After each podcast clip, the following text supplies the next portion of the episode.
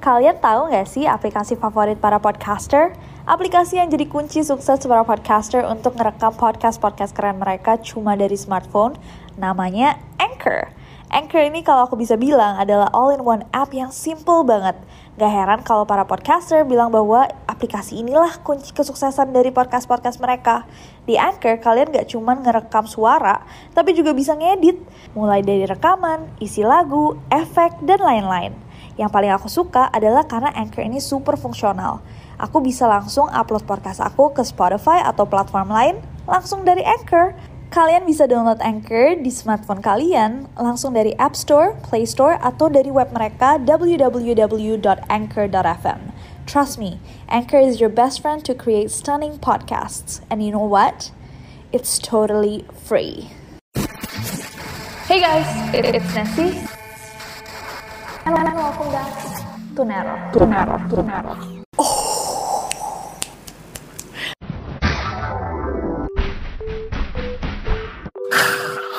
Hey guys, it's Nessie and welcome back to Neror. Aku gak harus jelasin lagi, buat semua yang udah lama nonton Neror pastinya tahu sesuka apa aku sama creepypasta. Cerita-cerita horor yang pendek, compact, tapi somehow bisa bikin merinding. Everyone says I have my mother's eyes. Semua orang bilang bahwa aku punya mata ibuku. Mereka tidak tahu seberapa benar mereka. Wait, what? Oh! Dia bilang, Pah, Jangan lupa cek ada monster apa enggak ya di bawah tempat tidur adek. Untuk menenangkan dia, aku pun melihat ke bawah tempat tidur. Di bawah tempat tidur, kulihat anakku menatap ketakutan dan berbisik, Pah, ada orang di tempat tidur adek. Dan setiap aku buat video membacakan creepypasta, aku selalu encourage kalian, mendukung kalian untuk menulis versi kalian sendiri. And let me tell you, some of you guys, banyak dari kalian tuh talented banget. Cerita-cerita yang kalian buat, kalian post di seksi komentar tuh nggak kalah serem, bahkan kadang lebih seram daripada apa yang aku bahas di video. So hari ini kita akan membahas dan melihat-lihat cerita-cerita horor pendek terseram versi neroris antara cerita orang yang kalian suka atau cerita-cerita yang neroris-neroris buat sendiri. So without any further ado, stop senyum-senyum, cause shit's about to go Oke, okay, let's get to it. Suka banget. Yang pertama ada dari It's Quelsa King.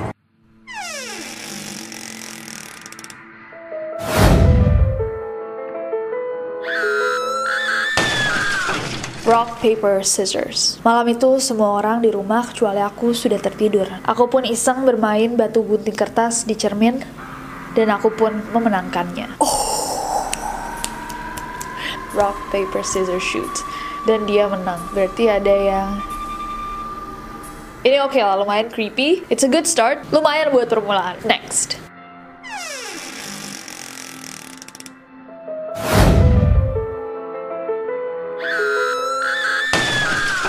Yang ini dari Yusuf Firmanullah, Guling. Malam itu kamarku terasa jauh lebih sepi dari sebelumnya. Saking sepinya, aku bisa mendengar detak jantungku dan hembusan nafas gulingku.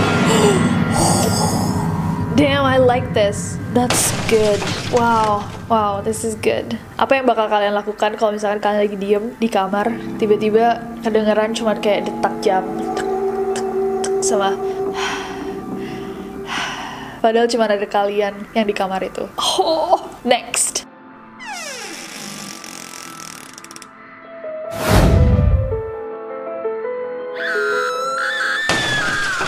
Adikku sayang, ini dari Joh Dash Fam. Kami baru sempat membersihkan rumah setelah seminggu semenjak adikku hilang. Ketika ayah hendak membuang sebuah box dari loteng, aku meneriakinya. Jangan buang box itu! Ayah memang tidak pernah sadar kalau aku sangat sayang adikku. oh, what did he do? Adanya diapain? Next.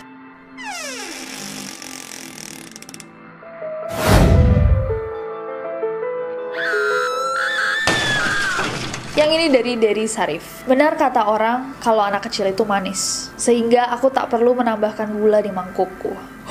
Oh, dua kalimat, cukup dua kalimat. This is beautiful. Wow, that's good. That's good. Next.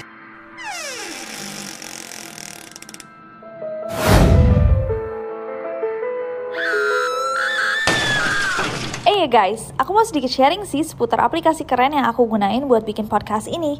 Aplikasi ini tuh bisa di-download di App Store atau di Play Store, and it's totally free. Gak cuma buat ngerekam aja, Anchor juga bisa buat ngedit langsung rekaman kalian. Kita bisa langsung nambahin back sound, effects, tambah lagu, bahkan Anchor juga bisa mendistribusikan podcast kita ke berbagai platform lainnya.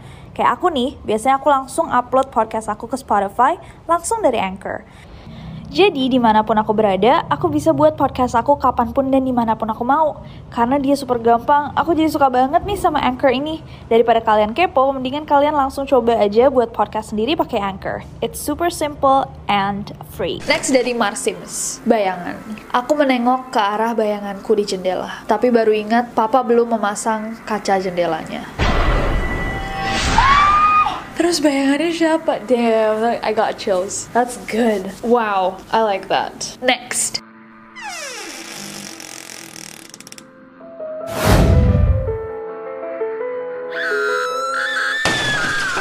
Next ada dari Fatan Nurhaya, pensil. Aku bisa melihat apa yang teman-temanku lakukan sekarang dengan pensilnya. Tapi kenapa penglihatanku kosong begitu mereka mendekatiku? Hah? Aku bisa melihat apa yang teman-temanku lakukan dengan pensilnya. Tapi kenapa penglihatanku kosong begitu mereka mendekatiku? Hah?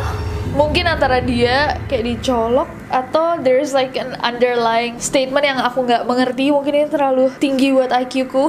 apa mungkin kayak temannya tuh jauh tapi sedang melakukan sesuatu sama terus begitu datang dia di I don't know. What do you think? Komen di bawah.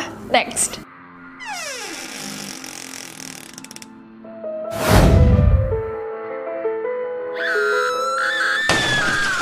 Next ada Alia Faiza, cahaya. Aku benci cahaya, sebab setiap aku terdiam, aku melihat bayanganku bergerak.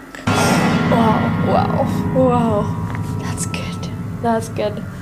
Satu kalimat. Wow. Yes, yes. Next.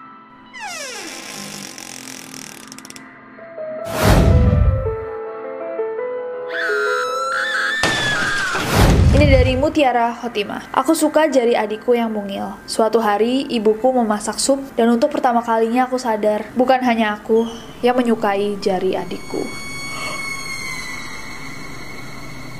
Oh, oh, oh, wow.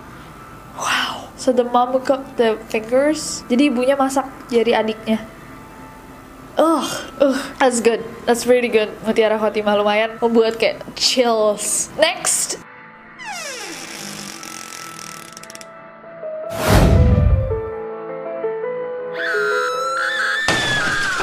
Next ada dari Anas Saleha. Akhirnya setelah sekian lama, dia datang ke masjid di syaf paling depan dengan kerandanya.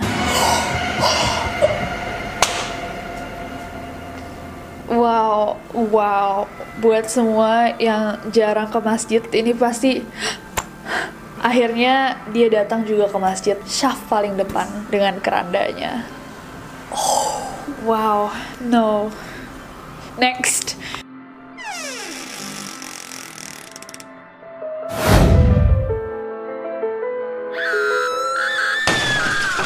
A friend. Ini dari Fin Gaming. My mother always hates me when I can't be friends with other people. Ibuku selalu membenciku ketika aku tidak bisa berteman dengan orang lain. Until one day when I came home alone at midnight. Sampai suatu hari ketika aku pulang sendirian pada tengah malam. Ibuku tersenyum kepadaku dan bilang, "Itu siapa? Teman di belakangmu."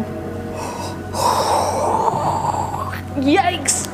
Apa yang bakal kalian lakukan kalau misalkan ini terjadi sama kalian? Kalian pulang sendiri terus ibu kalian bukain pintu nanya loh itu temennya siapa? Kok mama belum kenal?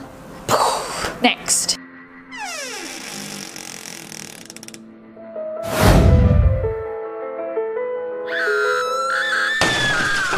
Ini dari Quiztronaut Meetup Kemarin aku ada janji bertemu teman onlineku di suatu tempat. Saat ku menemukan dia Oh ya, aku sadar Aku tidak bisa dilihat The plot twist though. Wow. Terus dia ketemu online-nya gimana ceritanya? Next.